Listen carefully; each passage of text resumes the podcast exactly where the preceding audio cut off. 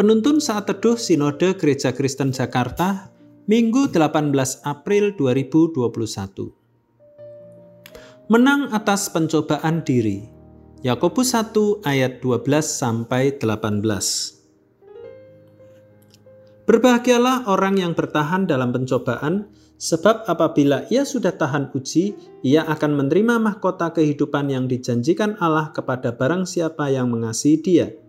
Apabila seorang dicobai, janganlah ia berkata, "Pencobaan ini datang dari Allah," sebab Allah tidak dapat dicobai oleh yang jahat, dan ia sendiri tidak mencobai siapa pun. Tetapi tiap-tiap orang dicobai oleh keinginannya sendiri, karena ia diseret dan dipikat olehnya. Dan apabila keinginan itu telah dibuai, ia melahirkan dosa, dan apabila dosa itu sudah matang, ia melahirkan maut. Saudara-saudara yang kukasihi, janganlah sesat. Setiap pemberian yang baik dan setiap anugerah yang sempurna datangnya dari atas, diturunkan dari Bapa segala terang. Padanya tidak ada perubahan atau bayangan karena pertukaran. Atas kehendaknya sendiri, ia telah menjadikan kita oleh firman kebenaran, supaya kita pada tingkat yang tertentu menjadi anak sulung di antara semua ciptaannya. Komisi Penyiaran Indonesia sering menegur beberapa acara TV, misalnya Tom and Jerry yang dianggap mengandung adegan kekerasan. Ada juga acara keramat yang dianggap meromantisasi hal-hal mistis. Penyebabnya adalah para orang tua yang melaporkan bahwa acara-acara tersebut tidak baik untuk ditonton anak-anak. Di satu sisi, ada kritik yang baik, namun, sebagai orang tua pun juga perlu mengoreksi diri. Apakah orang tua telah turut mengawasi anak ketika sedang menonton televisi dan memeriksa rating usia penonton sesuai dengan usia anak tersebut? Setiap orang bisa dengan mudah menuduh salah pihak lain tanpa menilai diri sendiri.